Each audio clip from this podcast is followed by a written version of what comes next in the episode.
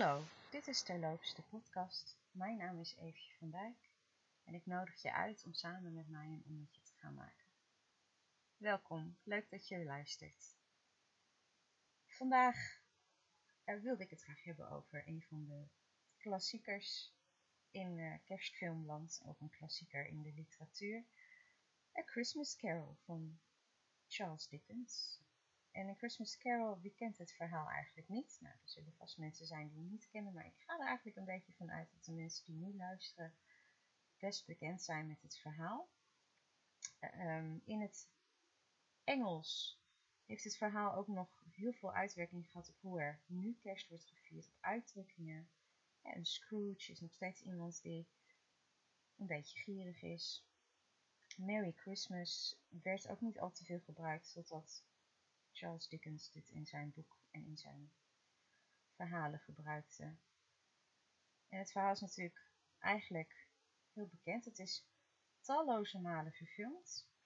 Uh, er zijn eigen variaties opgeschreven. Er zijn zelfs door een aantal mensen ook vervolgverhalen over gemaakt. Omdat op het eind van het verhaal er wel wordt gezegd dat Tiny Tim nog een gelukkig leven heeft, maar hoe dat dan precies uh, verder gaat, dat weten we niet. Dus dat geeft genoeg aanknopingspunten voor mensen om daar toch verder over te denken. Ebenezer Scrooge krijgt op kerstavond bezoek van drie geesten.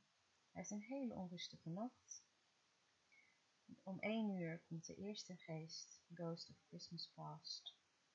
Om twee uur vervolgens de volgende, Ghost of Christmas Present.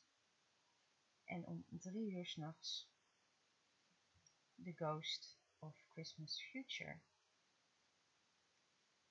En hij wordt heel erg geconfronteerd met zijn eigen leven, met de manier waarop hij zelf met anderen omgaat. Maar ook hoe dat misschien, je ziet, je hoort of je leest, het maar je het verhaal tot je neemt, hoe, hoe hij zelf is opgevoed en waar hij uiteindelijk tegenaan is gelopen het bijzondere vind ik, het is nu al 177 jaar geleden dat dit boek uh, uitgebracht werd. Nou, bijna dan 19 december, vlak voor kerst in 1843. Hij heeft het schijnt geschreven in maar zes weken tijd. Dat vind ik ook heel bijzonder. Maar de eerste verfilming is al in 1901. Dat heette Scrooge. Niet alle scènes zijn bewaard gebleven. In 1901 was er dus al een stomme film met dit verhaal. En dat ging alleen maar door en door en door en door. Er zijn tientallen verfilmingen geweest. Een andere bekende is natuurlijk die van de Black Adder's Christmas Carol, een parodie. Maar ook eentje die we zeker, denk ik, ook wel kennen. Of tenminste, als je, zoals ik, geboren bent in de jaren 80 en opgroeit in de jaren 80, 90. En, want de Muppet Christmas Carol is ook een klassieker op zichzelf geworden. En het bijzondere aan A Christmas Carol is natuurlijk dat het zo wijd verspreid is en dat het zo geliefd is. 170 jaar later nog steeds. Als er geen kerstuitzending uh, is van een Christmas Carol, dan klopt er toch iets niet helemaal. Dus ik ga er eigenlijk wel van uit, ik heb het niet gecheckt, dat hij dit jaar ook wel weer um, tevoorschijn komt. En anders kun je natuurlijk altijd zelf ook nog wel downloaden of lezen. Ik vraag me dan ook af, ik heb hem wel eens gelezen, Charles Dickens, uh, Christmas Carol en nog wel wat andere werk van hem. Uh, of jullie dat eigenlijk ook hebben gedaan, of alleen het werk kennen van de films. Nou, uh, ik zit even te, te kijken in mijn aantekeningen of er nog iets bijzonders is wat ik jullie hierover kan vertellen. Hij, hij, ja, Charles Dickens die stierf best wel vroeg. Hij is niet heel oud geworden, 58 jaar.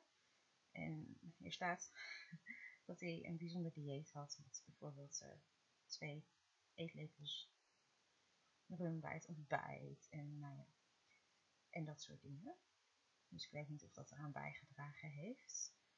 Maar het is ook inderdaad wel de periode dat er heel veel tradities ontstaan. Hè? In de tijd van Victoria en Albert in Engeland. Uh, het, het, Victoriaanse tijdperk waarin heel veel dingen die we nu eigenlijk denken van, oh dat hoort zo en dat hebben we altijd zo gedaan, dat misschien ook niet zo was. Het is ook de periode waarin uh, kerstkaarten uh, een ding zijn geworden. En de Victoriaanse tijd is natuurlijk ook de periode waarin, na, in navolging van Queen Victoria, het ineens heel normaal werd om uh, vooral wit te dragen op je bruiloft en een speciale bruidsjurk, waar het voorheen natuurlijk gewoon je beste kloffie was en zeker niet wit.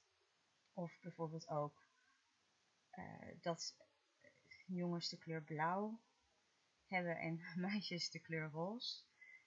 Daarvoor was het ook nog wel eens andersom.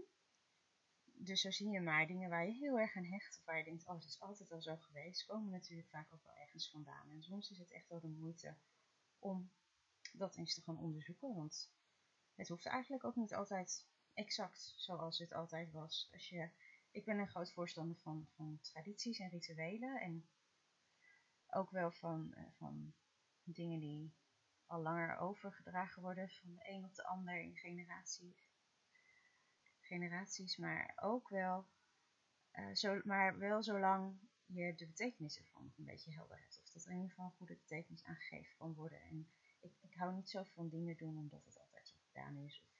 Of omdat we niet iets anders vinden. En ik vind ook dat je eigenlijk ook wel eens nieuwe tradities mag bedenken. Of nee, eigenlijk nieuwe concepten mag bedenken. En soms wordt dat een traditie. Goed. Tot morgen.